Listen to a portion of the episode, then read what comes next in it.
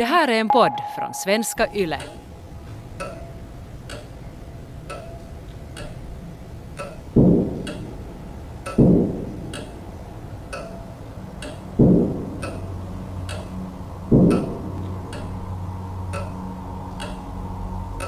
Förhör med Sirkka Koskela, hembiträde.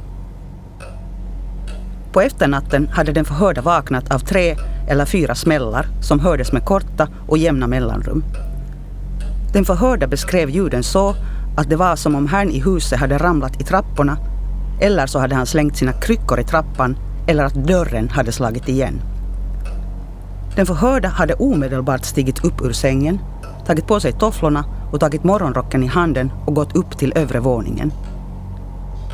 I husvärdens rum var lampan tänd. Den förhörda tror inte att husvärden normalt sover med lampan tänd i rummet. Den förhörda hade genast sett att herrn i huset legat på golvet bredvid sängen på sin högra sida med benen något böjda. Herrn i huset hade legat blodig på golvet med ansiktet mot sängen och delvis mot golvet och han hade rosslat. Den förhörda hade snabbt gått till nedre våningen och tagit tag i telefonen. Men telefonen fungerade inte. Därefter hade den förhörda sprungit upp till övre våningen och provat telefonen i Herrns rum. Men inte heller den hade fungerat. Efter det sprang den förhörda till grannen Hartmans hus cirka 200 meter bort och väckte husets invånare. Fredagen den 24 april 1992, kring klockan halv fyra på morgonen, mördades den 77-åriga pensionerade industriledaren Wilhelm Högsten i sitt sovrum i Jollas i Helsingfors. Mordet klassas som det första finska beställningsmordet.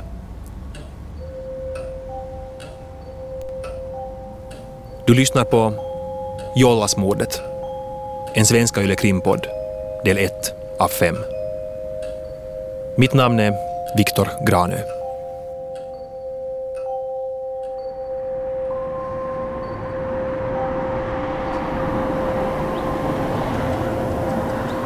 Nästan på dagen, 28 år senare, besöker jag villan där mordet skedde. Jag är här för att träffa Tone Högsten, Wilhelm Högstens dotter. Hon berättar gärna för mig vad hon minns men vill inte att hennes röst ska höras i programmet. Strandtomten med sydsluttning ner mot havet finns idag i ett förortsområde. Men i början av 90-talet omgavs huset av skog och berg. Till gården ledde en smal sandväg och det fanns bara ett enda grannhus. Tone pekar ut för mig stället uppe på klippan där telefonledningen hade skurits av. När Tone först hörde om mordet så kunde hon inte tro att det var sant. Och när hon till sist tog till sig att hennes pappa faktiskt hade blivit skjuten så tänkte hon att det måste vara fråga om inbrottstjuvar. Men det var ingenting som saknades i villan. Vem kunde tänkas vilja mörda hennes pappa? Tone säger att eh, hennes pappa Wilhelm var en väldigt omtyckt person. God vän med alla han kände. Att hon aldrig hört honom säga ett ont ord om någon eller någonsin skälla ut en annan människa. Liknande beskrivningar läser jag gång på gång i polisförhören.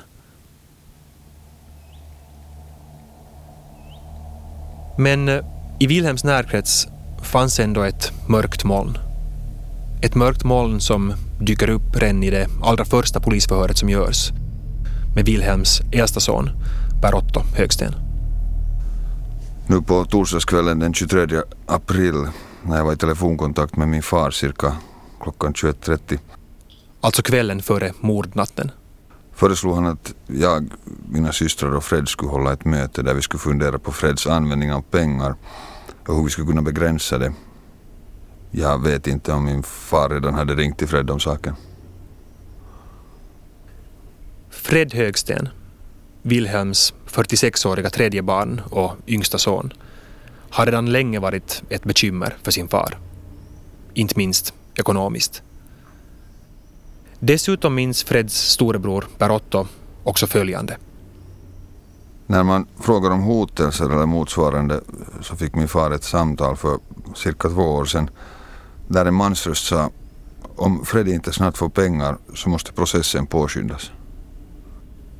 Och så var det också det där som eh, hände för ett par år sedan på SSK, alltså finska Sidenväveriet AB, det bolag som Wilhelm Högsten ägde och ledde tills det gick i konkurs året före mordet. Pirko Leinio jobbade på fabrikskontoret på SSK.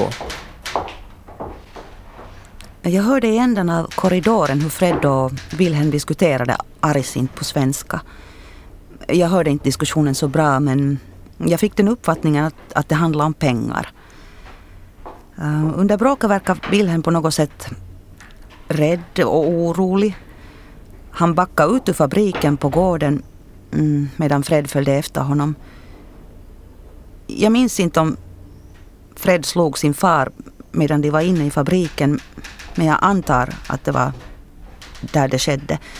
För jag blev själv orolig och jag gick för att ringa fabrikens färgeri eftersom jag visste att där ännu fanns män på arbete.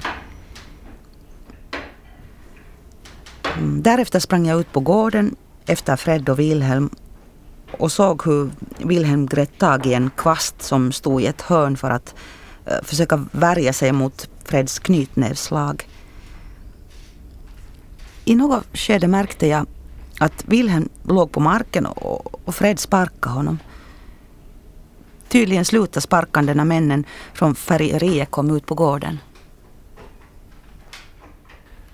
Och så här berättar Eila Högsten, Per Ottos hustru. Efter det har Wilhelm varit tydligt rädd för Fred och har nästan alltid burit pengar med sig om Fred plötsligt skulle komma för att hämta pengar. Jag har sett att Wilhelm har haft upp till tusen mark med sig för det ändamålet. Fred Högsten parasiterar på sin fars pengar. Han är oberäknelig, ibland våldsam.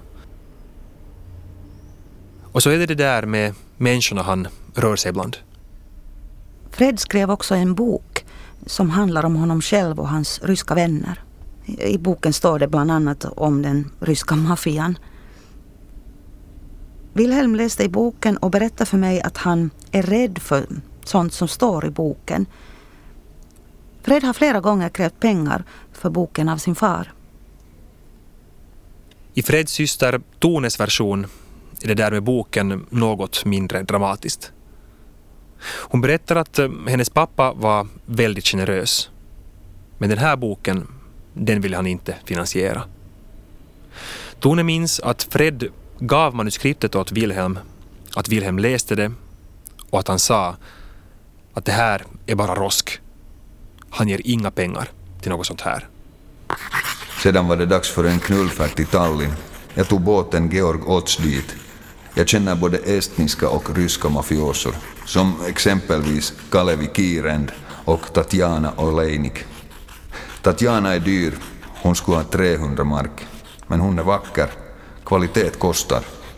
Däremot var Jelena bra på att suga. Jag tog taxin och åkte till henne.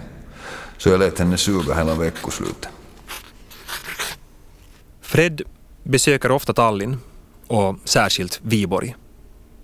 Och det händer också att hans bekantskaper därifrån besöker honom i hans hem i Härtonäs i Helsingfors. Freds exfru Anne Högsten säger i ett förhör att eh, Freds sovjetiska gäster en gång orsakade en telefonräkning på 10 000 mark åt Fred och att han därför inte längre har någon telefon. Så när nu Anne ska framföra dödsbudet till Fred så får hon gå hem till honom. Så här berättar hon i ett polisförhör dagen efter mordet. Fred misstänkte genast att mördaren kommer från andra sidan gränsen den förhörda hade hört av Fred att ryssarna under vårens lopp hade bett om en bild på Wilhelm och en bild på huset. Fred var liksom bekymrad över det och hade liksom lättat på sitt hjärta och sagt att man inte ska tala om det för någon. Det förblev oklart om Fred har gett bilderna till personerna som bad om dem. Den förhörda berättar vidare att idag, den 25 april 1992, hade Fred varit med deras gemensamma nioåriga son i squashhallen. På den resan hade Fred sagt till sonen Kaverina sköt farfar av misstag när det egentligen var mig de skulle skjuta. Polisen riktar sitt intresse mot Freds ryska kontakter. Dels är det hans eh, senaste fru, Svetlana. En fru som Fred eh, inte tycks ha träffat mer än en handfull gånger och som han själv kallar en mafioso. Och så är det den före detta läkaren Slava Bulin, Freds värd under besöken i Viborg. Särskilt intresserar sig polisen för eh, Freds brev till Slava, som de kommer över i ett unikt samarbete med sina ryska kollegor. Dear Slava, I send you some pictures from Bangkok. Three girls who I tied up with red ropes at Hotel Regina. One of these girls, Bo, could do smoke rings with her cunt. Men uh, kanske mest för det här brevet. Slava, my father is dead, but I do not get my money till the thing is clear, which means that we must find the guilty one and quickly. So now, as quickly as possible, go and find the guilty one. We ask how much money he wants to sit a few years in jail. Otherwise, we have no money. I, of course, pay the mafia what they want. I mean, these guilty ones who want the reward, they have not contacted me, but they will. The guilty one must know how, when everything happened. It must not be the biggest idiot of the guys. First the guilty one, then the money. Freddy. Fred ska betala maffian när de väl tar kontakt. Men eh, för att Fred ska ha pengar till det måste någon först ta på sig skulden. Och bara Slava fixar fram en syndabock så ska Fred också betala honom. Första veckan i maj, två veckor efter mordet, anhålls Fred Högsten.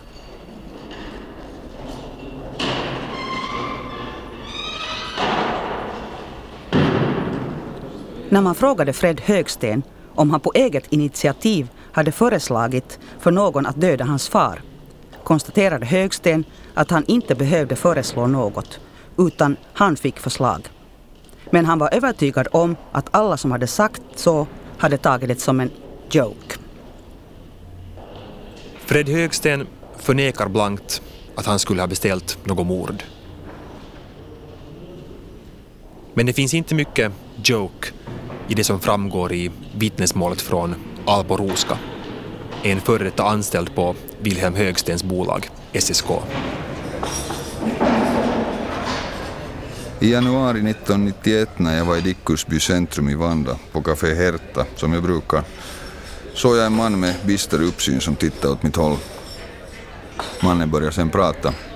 Han frågade, är du Alpo Ruska? Jag svarade jakande. Sedan sa mannen, jag kan fixa ett jobb åt dig. Jag frågade, vad då för jobb? Mannen sa sen att jag hatar min pappa så jag måste få någon att skjuta honom.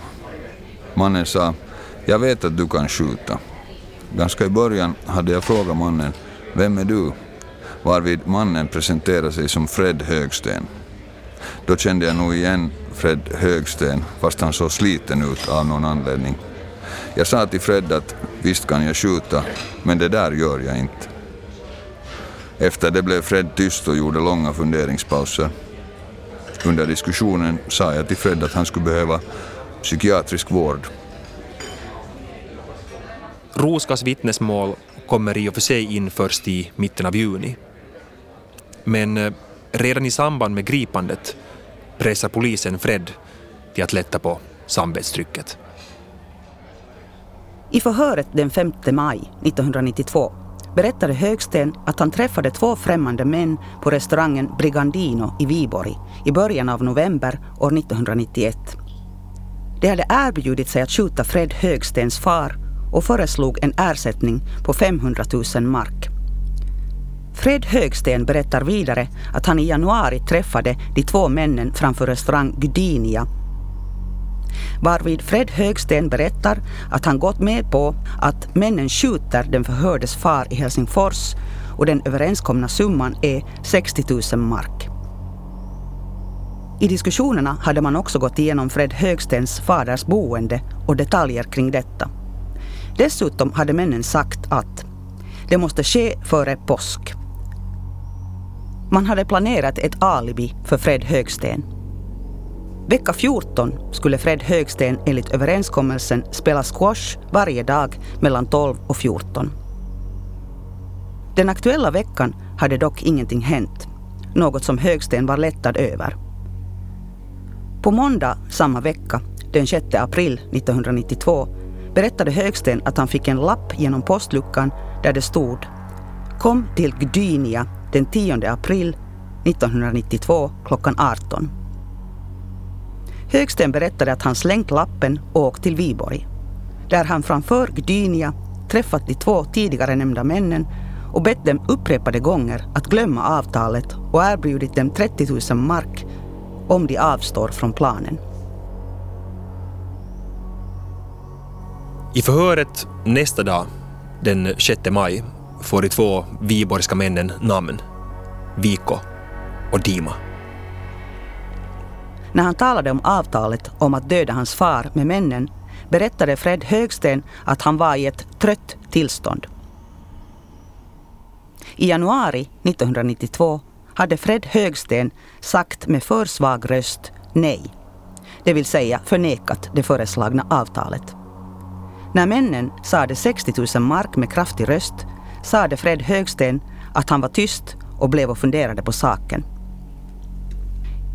I förhöret den 21 maj 1992 berättar Högsten att han kring jul varnade sin före detta fru Anne för att föra barnen till huset i Jollas på grund av Vikos och Dimas planer att utföra dådet.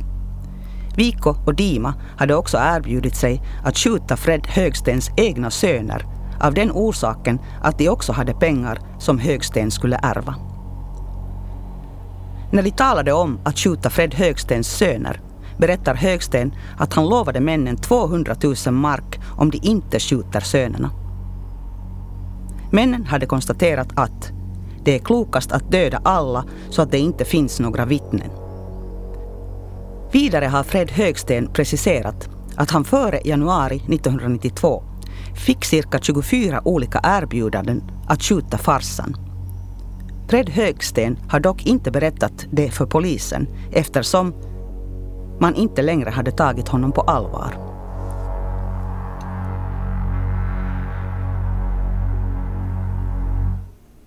Om eh, den här berättelsen känns osammanhängande eller svår att tro på så finns det en enkel orsak. I rätten har Fred Högsten berättat att cirka 50 procent av det han berättade i förundersökningen stämde. Resten var fantasier beroende på att han var pressad från polishåll. Viko och Dima är fiktiva karaktärer i Fred Högstens improviserade skröna om maffian i Viborg. De verkliga mördarna finns närmare till hands.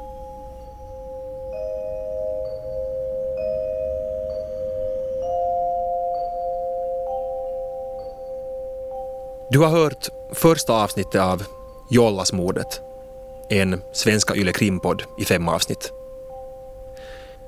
I programmet medverkade Pekka Strang och Marika Parkomäki. För ljudplaneringen stod Jyrki Häyrinen. Jag heter Viktor Granö.